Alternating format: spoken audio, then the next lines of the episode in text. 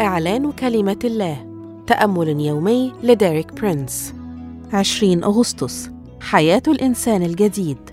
هذا الأسبوع يشرح لنا ديريك برينس أننا نحن المؤمنين قد خلعنا الإنسان العتيق مع أعماله ولبسنا الجديد الذي يمنحنا الحياة الجديدة.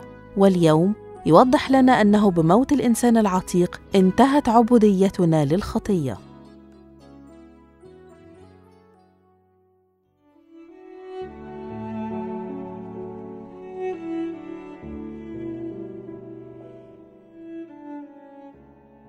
المبادلة التي نحن بصددها الآن تمت بين الإنسان العتيق وبين الإنسان الجديد.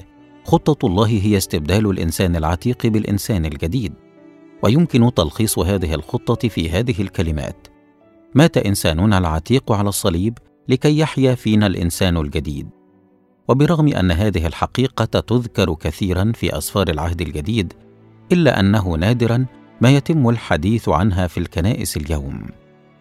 والاختلاف بين الإنسان العتيق الذي مات على الصليب والإنسان الجديد الذي قام مع المسيح نتج من خلال قيامة المسيح. إن صلب إنساننا العتيق مع المسيح كان حدثا تاريخيا محددا وقع في لحظة محددة في الماضي وأعتقد أنه يعزز إيماننا بقوة عندما ننظر إليه بهذه الطريقة. فهو أمر قد حدث بالفعل إنها حقيقة سواء آمنا بها أم لم. سواء عرفنا عنها أم لا.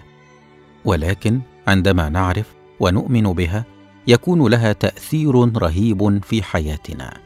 يقول الرسول بولس في روميا 6 العدد 6 عالمين هذا أن إنساننا العتيق قد صلب معه ليبطل جسد الخطية كي لا نعود نستعبد أيضا للخطية. وفي ترجمة أخرى يقول ليدمر جسد الخطية.